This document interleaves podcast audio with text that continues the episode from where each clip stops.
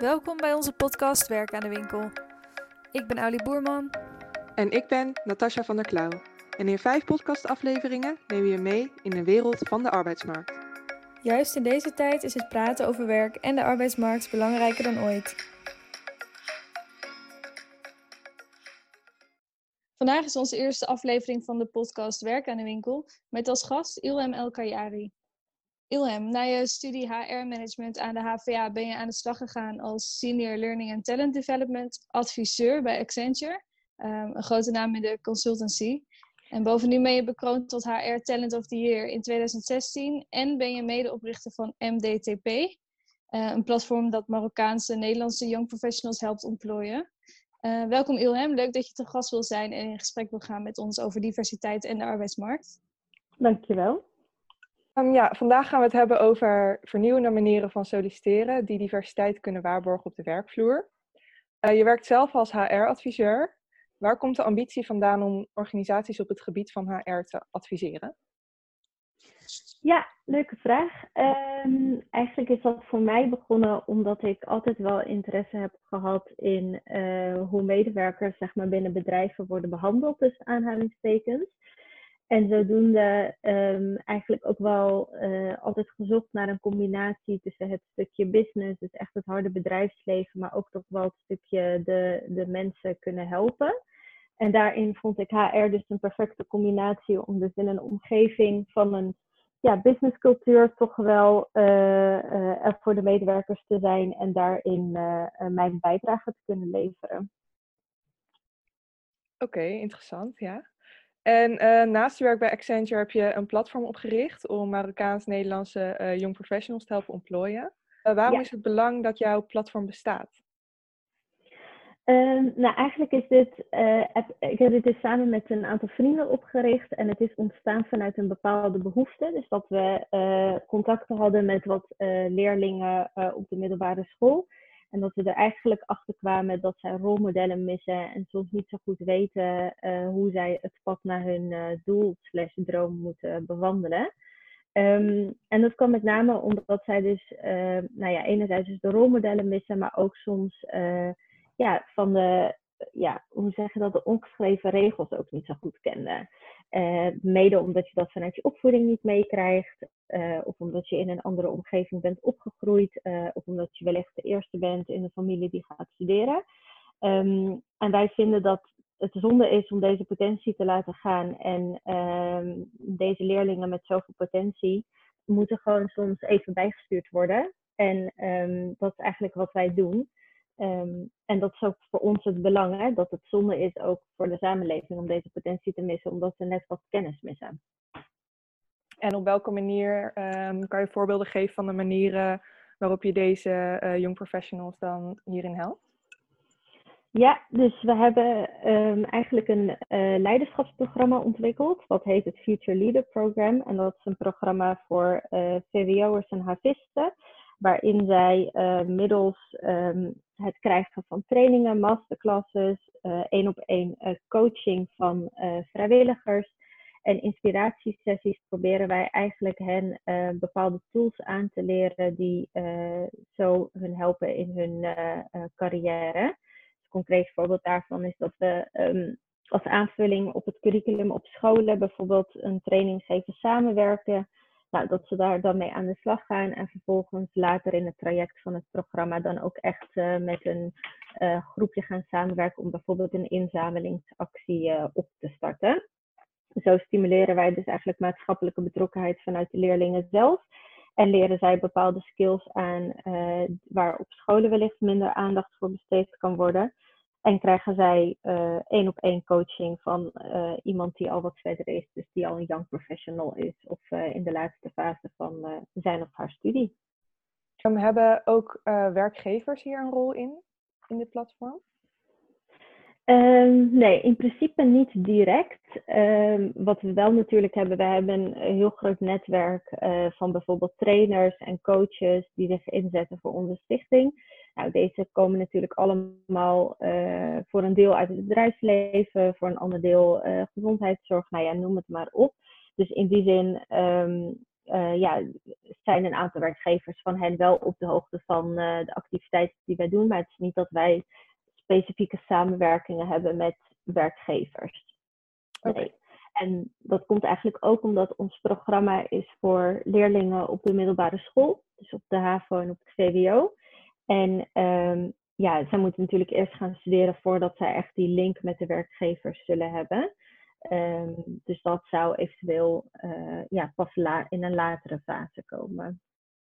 En waarom is voor jou diversiteit op de werkvloer zo belangrijk? Um, nou, eigenlijk omdat ik geloof in de kracht van diversiteit. Omdat ik erin geloof dat op het moment dat je allemaal op dezelfde manier denkt en vanuit dezelfde uh, omgeving komt, dat je dan niet tot de meest creatieve en um, ja, ja, eigenlijk meest creatieve oplossingen kan komen. Um, een leuk voorbeeld daarvan is dat ik ooit een collega daarover had gesproken die, die als vrouw zijnde veel met mannen werkte.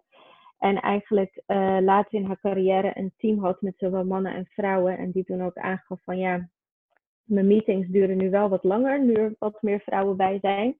Maar het resultaat wat we nu hebben voor onze klanten is daarin ook echt uh, veel uh, beter geworden. Um, en voor mij betekent diversiteit meer dan alleen man, vrouw en cultuur. Dat betekent ook uit welke omgeving kom je, waar ben je opgegroeid. Um, ja, welke studie heb je gedaan eh, en noem het maar op. Ehm, en ik geloof er ook in dat diversiteit uh, valt of staat met inclusiviteit of inclusie. Um, en uh, ja, dat. Um, nou, en als HR-adviseur geef je organisaties uh, advies op het gebied van onder andere diversiteit. tegen welke dingen lopen organisaties vaak aan?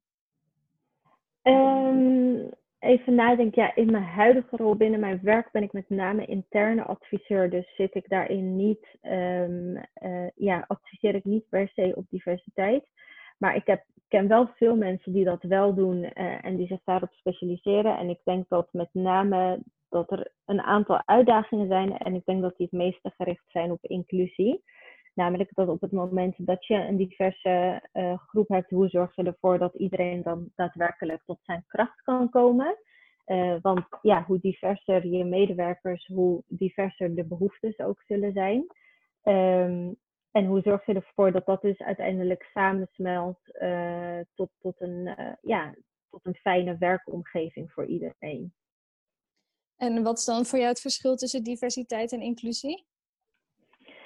Um, ja, diversiteit voor mij is echt uh, het hebben van verschillende mensen vanuit verschillende achtergronden.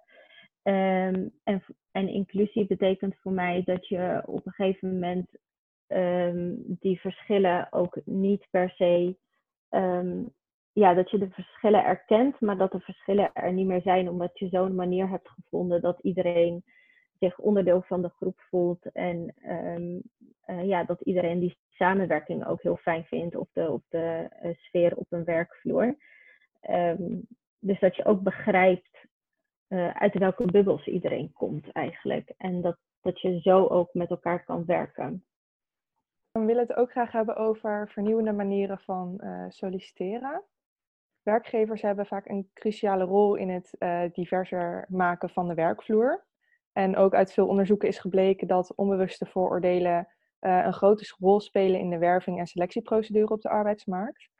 Uh, heb je zelf al eens meegemaakt dat je werd benadeeld op de arbeidsmarkt? Uh, ja, dat heb ik helaas wel meegemaakt. Een aantal jaar geleden voordat ik uh, bij Accenture werkte. Um, ja, en dat was, ja, ja, dus dat heb ik wel een aantal keer meegemaakt. Even na te denken welk voorbeeld, ja ik heb wel eens tijdens een sollicitatiegesprek um, heel veel vragen gehad over de functies van mijn ouders en wat zij doen. Dat ging dus niet meer over mij, maar dat ging over mijn thuissituatie. Dus ja, ik heb wel wat gekke, gekke situaties meegemaakt. En het is nog steeds uh, natuurlijk een groot probleem. Wat kunnen werkgevers aan doen om deze onbewuste vooroordelen uh, te verminderen, om zo diversiteit te kunnen bevorderen? Ja, ik denk dat het begint bij uh, het bewustzijn van je onbewuste vooroordelen die je hebt. En die dus ook uh, te erkennen. Want ik denk dat er heel veel werkgevers zijn die uh, niet weten dat ze die onbewuste vooroordelen hebben en in de veronderstelling zijn dat ze eigenlijk iedereen een eerlijke kans geven. Ehm, en ik denk dat een werkgever daar echt op zou moeten investeren door dus de mensen die uh, vooraan staan als een recruiter of een uh, werving- en selectiemedewerker, om die mensen echt goed te kunnen trainen op die onbewuste vooroordelen. Want ik geloof erin dat zolang zij daar niet in veranderen, dat het dan ook wel heel moeilijk wordt voor de rest van de organisatie om diversiteit te kunnen waarborgen. Um, en ik geloof erin dat als je dat onder de knie hebt, dat het dan ook wel van belang is om te kijken naar welke tools gebruik je nou. Um, een voorbeeld daarvan is dat heel veel werkgevers, en vooral denk ik hele grote werkgevers, gebruiken assessments. Um, uit verschillende onderzoeken is daarin bijvoorbeeld gebleken dat uh, de skills die daarop worden gemeten, dat dat met name masculine skills zijn. Dus dat je daarin als vrouw eigenlijk al wel wat achter staat ten opzichte van de man. Nou ja, als je dat als bedrijf niet weet of jezelf daarop niet aanpast, dan ja, halen misschien veel minder vrouwen die test. Maar dan is dat eigenlijk bijna niet, ja, kan je ze dat niet kwalijk nemen. Dus dan sta je eigenlijk al wel achter in je werving. Ja, het traditionele sollicitatieproces bestaat voornamelijk uit een cv en een motivatiebrief. Um, en dan een of, een of meerdere gesprekken en vervolgens word je wel of niet aangenomen. Uh, zie jij daar verbeterpunten in? Ja, zeker. Persoonlijk zou ik um, de motivatiebrief uh, al afschaffen. Um, en eigenlijk uh, puur een selectie doen op basis van cv. Um, en op het moment dat je een cv-selectie hebt, dan eigenlijk al gaan kijken naar hoe, hoe kan je dus dan wel eerst gesprekken voeren. Uh, ik ken bijvoorbeeld een werkgever die wat zij in hun sollicitatieprocedure hebben, is dat, dat iemand dan ook echt een dag moet meewerken. Dus die krijgt dan een case en die moet dan ook op kantoor zijn, waar de collega's ook rondlopen. Die gaat dan ook meelunchen, om zo eigenlijk ook te kunnen zien, past iemand in dit bedrijf? En ook om kandidaten de kans te geven, pas ik ook in dit bedrijf zoals hoe ik dat voor ogen had? Nou, ik vond dat echt een hele leuke manier van, um, uh, van, van een selectie doen. Want enerzijds toets je iemand op inhoud en anderzijds geef je iemand ook gewoon een kans om um, ja, de werkvloer rond te lopen. En ja, is je oordeel niet gebaseerd op een gesprek van een half uur. En zijn er meer manieren om uh, vernieuwend te solliciteren die diversiteit kunnen uh, bevorderen? Ja, ik denk dat je best wel veel tools hebt die dat kunnen doen. Uh, zo heb je bijvoorbeeld ook uh, persoonlijkheidstesten. Dus dan ga je iemand echt uh, ja, aannemen op basis van persoonlijkheid in plaats van op basis van um, ja, een motivatiebrief, om het even zo te zeggen. Dus ik denk dat dat een hele leuke manier is um, om te kijken ja, wat voor type mensen wil je in je bedrijf en hoe zorg je voor meer diversiteit, ook op het gebied van persoonlijkheid of achtergrond. Um, dus dat zou wel een manier kunnen zijn. Um, ja, andere innovatieve ideeën. Ja, ik denk dat het natuurlijk ook heel erg afhangt van de sector, om eerlijk te zijn. Um, en ook afhangt van de grootte van een bedrijf. Om eigenlijk zo tot een passende sollicitatieprocedure te komen. Ik geloof erin dat je als bedrijf misschien zelfs verschillende procedures zou moeten hebben voor verschillende functies. Omdat je daarin ja, wat anders zoekt of die behoefte ook anders is. Denk je ook dat eh, de grote bedrijven hiervoor openstaan om verschillende procedures te hebben voor verschillende functies? Ja, goede vraag. Um, ik denk dat als je de meerwaarde daarvan um, uh, kan toelichten en eigenlijk met name vooral de focus kan leggen op wat levert het je op op lange termijn. Want ik geloof erin dat ja, uiteindelijk kost het je ook veel meer tijd en moeite als je mensen aanneemt die vervolgens ook weggaan omdat ze niet bij het bedrijf passen. Dan kan je, als je het mij vraagt, beter investeren in het aannemen van de juiste mensen en zo duurzame medewerkers hebben in je, in je bedrijf. Um, en ik denk dat je als werkgever daar wel uh, voor open zou moeten staan om daar naar te kijken. Ja, precies. Als je werkgevers advies zou mogen geven op het gebied van diversiteit, welk advies zou dit zijn? Um, practice what you preach. Ik denk dat ik daarmee zou beginnen. Ik denk dat diversiteit een hot item is en dat daar heel veel mensen over meepraten. Um, maar ik zou eigenlijk beginnen bij inclusie. Ervoor zorgen dat je bedrijf zo is ingericht dat op het moment dat je dus diversiteit wil waarborgen, dat daar die ruimte er ook voor is. Um, en stap uit je bubbel, uh, connect met meer mensen, ook vanuit verschillende bedrijven. Kijk wat succesvolle bedrijven doen op het gebied van diversiteit en probeer daarvan te leren. En uh, vooral blijven proberen en experimenteren. En dan kijken wat er wel of niet werkt bij je bedrijf. Ik denk dat het een onderwerp is wat gewoon heel lastig kan zijn. Uh, maar dat we het moeten proberen om te zien of het wel of niet werkt. Um, maar zolang je ervan overtuigd bent dat het een toegevoegde waarde is voor je organisatie en je bereid bent om daar uh, tijd en energie in te steken, dan ben je al een hele stap uh, voor. En tot slot denk ik, uh, kijk in de spiegel en wees je bewust van je eigen onbewuste vooroordelen. En sta op die manier zo open voor andere mensen uit andere bubbels. Oké, ja, eigenlijk zijn we al door de vragen heen. Um, ja? Ja, heb je verder nog uh, dingen die je kwijt wil?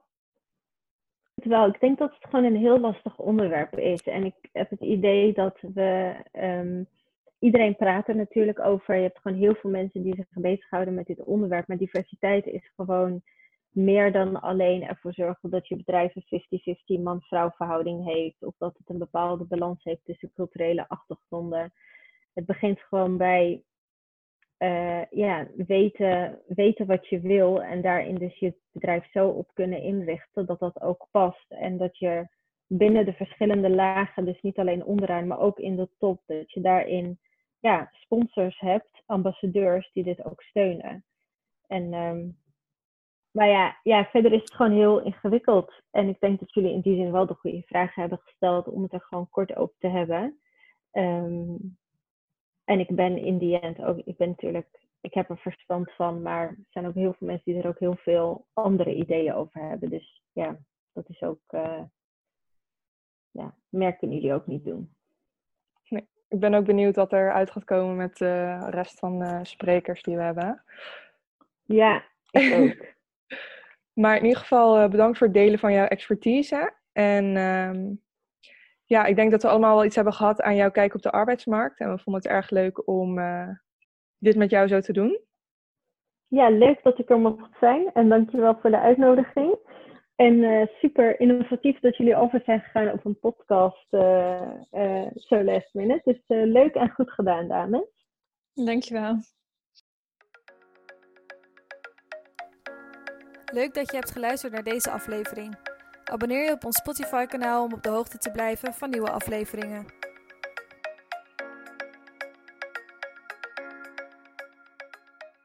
Deze podcast is ontwikkeld in opdracht van Gemeente Amsterdam en in samenwerking met Stichting Academie van de Stad.